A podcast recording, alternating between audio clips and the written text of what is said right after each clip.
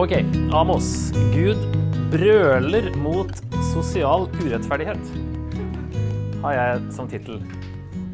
Um, så det er tema. Sosial urettferdighet. Um, jeg fant et sitat av en teolog. Han er jo for så vidt um, Han er for så vidt død nå. Siden 1920-tallet har jeg vært i evangelikale menigheter og deltatt på mange bibelkonferanser.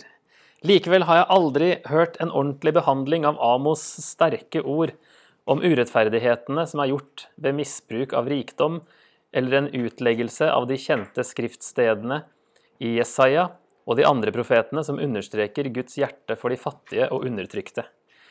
Profetier, ja, men bare i sitt forutsigende eskatologiske aspekt, altså bare det som har med framtiden og endetiden å gjøre med lite eller ingenting om profetenes største vitne mot avgudsdyrkelse av ting og undertrykkelsen som kan være forbundet med å tilbe dem. Så det er ikke så ofte man hører liksom eh, profetene utlagt på en sånn måte som vi skal gjøre nå, i de dagene her. Amos er jo en ganske kort bok, da, og lettfattelig i forhold til mange andre. Så det er grei, greit sted å starte. Eh, men den handler altså om eh, undertrykkelse av fattige. Sosial urettferdighet. Og det er jo veldig relevant fortsatt. Da får vi virkelig se hva Gud mener om den saken. Amos han nevnes jo bare her i denne boka. Hvem var Amos? Vi vet bare det som eh, han har skrevet sjøl. Og det vi vet da, er at han var eh, verken profet eller prest, men han var en sauebonde. Ord av Amos, en sauebonde fra Tekoa. Så han var sauebonde, og han sier også i kapittel 7 at han er eh, ikke en profet. Ikke er profet, og ikke profetdisippel. Jeg holder husdyr og dyrker fiken. I vers 14 i kapittel 7. Men Herren tok meg bort fra saueflokken, og Herren sa til meg:" Gå og tal profetord til mitt folk Israel. Så han var en, kanskje en intetanende sauebonde som plutselig får et budskap av Gud og skal gå til Israel. Han bodde jo i eh, Juda, i Sørriket, og ble sendt til Nordriket. Han eh, blir ikke introdusert av, eh, eller som sønn av noen heller, som de ofte blir. Som på en måte er etternavnet deres. Så vi vet liksom ikke hvilken familie han kom fra heller. Kanskje ikke det var noen viktig familie eller noen stor familie. Og Tekoa, som det står han kommer fra, det var en liten landsby ca. 1 mil sør for Betlehem, som da er 18 km ca. fra Jerusalem. Så um, han ja, holdt på med sauene sine der, i en liten landsby. Plutselig så ble han profet. Og han Altså en bonde fra Juda som sendes som profet til Israel. Og det er jo fint at dere har vært gjennom kongebøkene før dette her, fordi eh, det er jo viktig bakgrunn.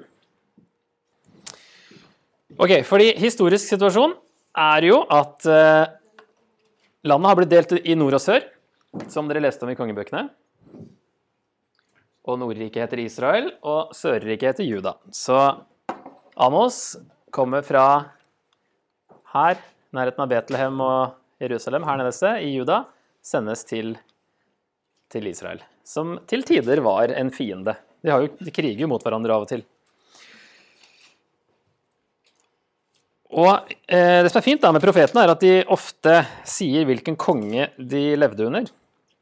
Så Det står ofte i første verset. Så her står det eh, Det han så om Israel i de dager da Ussia var konge i Juda, og Jereboam, sønn av Joash, var konge i Israel. To år før jordskjelvet. Han daterer det til et, et eller annet jordskjelv som vi er ikke helt sikre på når, men man, kan, eh, man har funnet spor av i hvert fall ett jordskjelv som vi kan prøve å datere ut fra. To år før et jordskjelv som, som, skjedde mens uh, Ussia var konge i Juda, og Jereboam var konge i nord, i Israel. Ok, Og da går vi til kongebøkene. Kan vi finne ut noe om disse kongene og hva som var historisk situasjon? Det er jo noen av de som ikke får så veldig mye omtale. Men her er det Nordriket, så er Jereboam eh, den andre, da, som er eh, mer viktig enn Ussia akkurat her. Han får litt mer. Men Asarja, det er, også, det er samme som Ussia. Det kalles begge deler.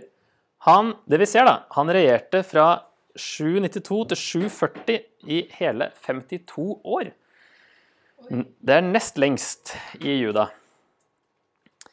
Eh, så det var, det var jo ganske uvanlig lenge, da, uansett. Men enda mer uvanlig var det at kongen i Israel klarte å sitte på tronen i 41 år.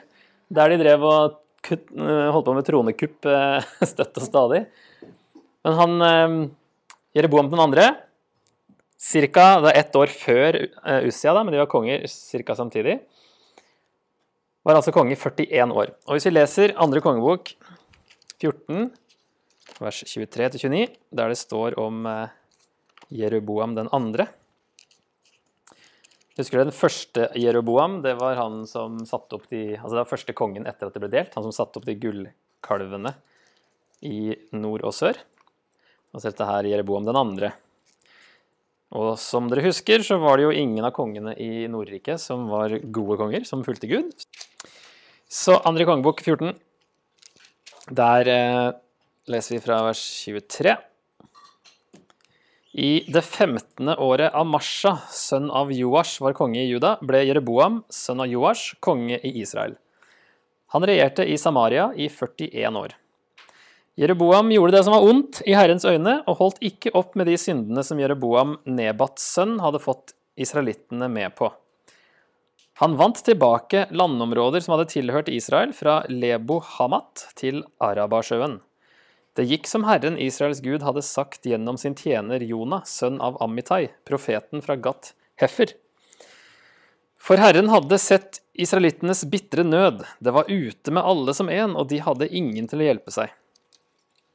Men Herren hadde ikke sagt at han ville utslette Israels navn under himmelen. Derfor berget han dem gjennom Jereboam, sønn av Joash. Det som ellers er å fortelle om Jereboam og alt han utrettet, om hans storverk i krigen da han vant Damaskus og Hamat tilbake til Israel, står skrevet i Israels kongenes krønike. Jereboam gikk til hvile hos sine fedre, Israels konger, og hans sønn Zakaria ble konge etter ham. Ok, Hva lærte vi her om Jereboam den andre, som forfatteren av kongebøkene syns var verdt å nevne. Og det er Jonah er jo den Jonah fra Jonas' bok som nevnes her. Ja, Det er samme Jonah. Så han levde på den tida her. Så han, eh, det er han som har et, eh, et budskap fra Gud her om at Jereboam skulle vinne tilbake noen landområder som hadde tilhørt Israel, fra Lebo Hamat til Arabasjøen. Og så står det på slutten han vant Damaskus og Hamat tilbake til Israel. Så han vant tilbake noen tidligere områder.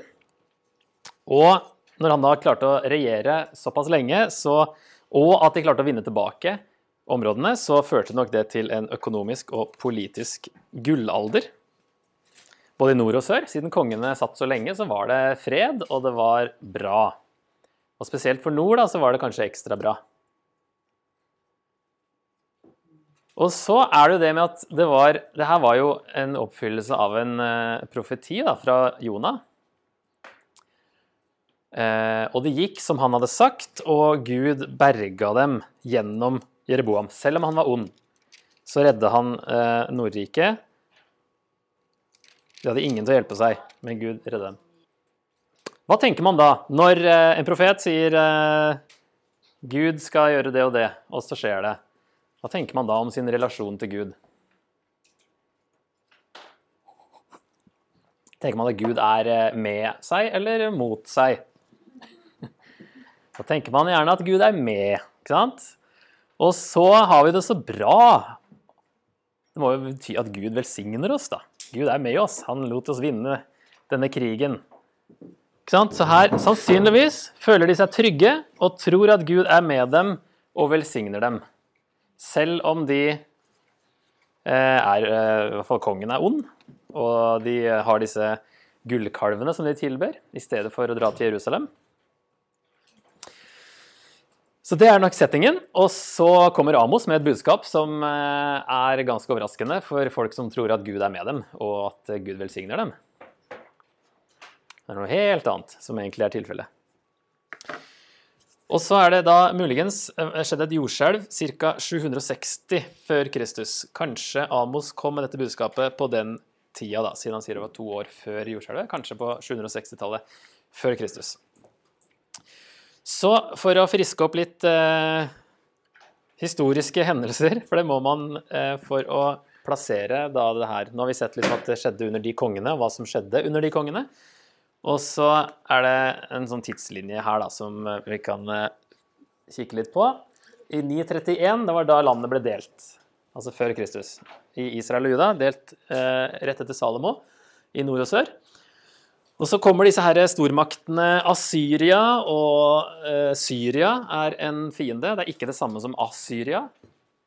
Det er også sånn greit å få med seg. Um, Aram, står det her, er det hebraiske navnet, da. Bibelnavnet på Syria er Aram. Eh, mens eh, bibelnavnet på Assyria er Assur. Så der er det litt mer forskjellig enn eh, det vi er vant til å tenke om Syria og Assyria. Så arameere er jo syrere, når vi leser i Gammeltestamentet. Men det landområdene han vant tilbake, da, det var jo på østsida av Jordan, helt fra nord til sør. Arabasjøen er jo Dødehavet.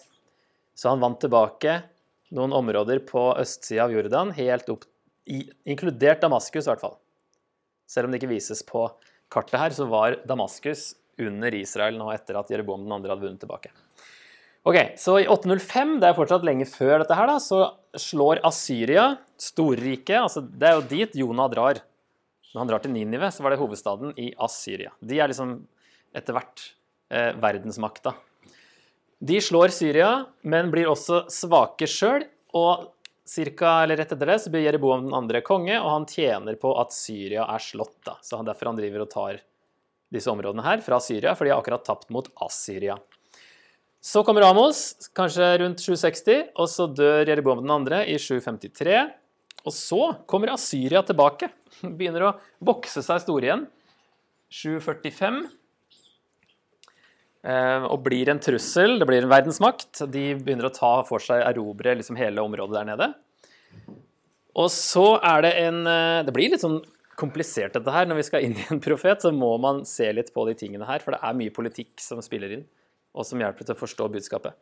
Men det var en krig fra 734 til 732 eh, der Syria og Israel slår seg sammen mot Juda. Det leser vi også om i Jesaja, at uh, kongen i, i, Juda snakker med Jesaja hva han skal gjøre. Og det er i den konteksten faktisk at denne eh, profetien om Immanuel kommer.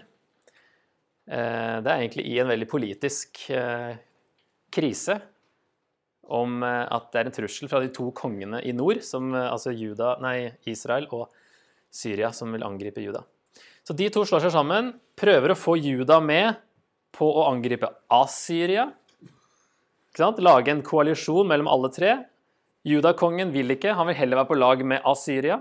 Sender noen skjulte beskjeder til kongen der, som kommer og knuser de to. Det leser jeg om i kongebøkene. Fikk asyrerne til å komme og, og, og knuse dem eh, ti år før de ble tatt. Det er de sjøl som eh, Og det er det boka her handler om også. Det er de sjøl, det er Gud som ordner alt. Det er han som ordner at de kommer og blir tatt av asyrerne til slutt. 722 er den store datoen eller året da Nordriket går under for godt. Og asyrerne kommer og, og tar det nå. Det, det er ti år etter at uh, den første krigen eh, stoppes, eller angrepet stoppes, da. Så det er Juda som i hvert fall er med og får uh, Israel svekket. OK. Hang dere med på det? Vi kommer tilbake og henter opp igjen noen av de tingene her, men det aller viktigste når vi skal lese Amos, det er nok 722, den siste. Det er liksom det han advarer mest mot. At eh, den straffen, dommen, kommer. Hvis ikke dere omvender dere, så kommer dere til å gå under. Dere kommer til å bli angrepet. Og da er det mest den, det siste angrepet der han snakker om. Så det var en overraskelse tenker jeg, at historien snudde, at Asyria plutselig ble sterkere og kom tilbake, og til slutt faktisk tok dem, og at de gikk under for godt. Og siden har de jo vært eh, borte. De kommer jo aldri tilbake fra sitt eksil, og det var heller ikke sånn at de ble tatt til et spesielt sted. De ble spredt rundt i hele Asyrerriket, som var liksom stort. hele, si, det meste av Midtøsten der. Um, så de burde være spredt rundt og blanda med folk. Så det var ikke så lett å komme tilbake uansett, men uh, de kom heller aldri tilbake. OK. Um, så jeg bare lagde en oversikt, så vi har litt sånn kontroll på hvor vi er. Første kapittelet og litt inn i andre kapittelet så er det dom over naboene. Altså budskap om at nabofolkene til Israel skal straffes pga. forskjellige ting. De har gjort forskjellige onde ting. Som Gud eh, sier at nå er det nok. Det er et uttrykk som går igjen der, eh, der han sier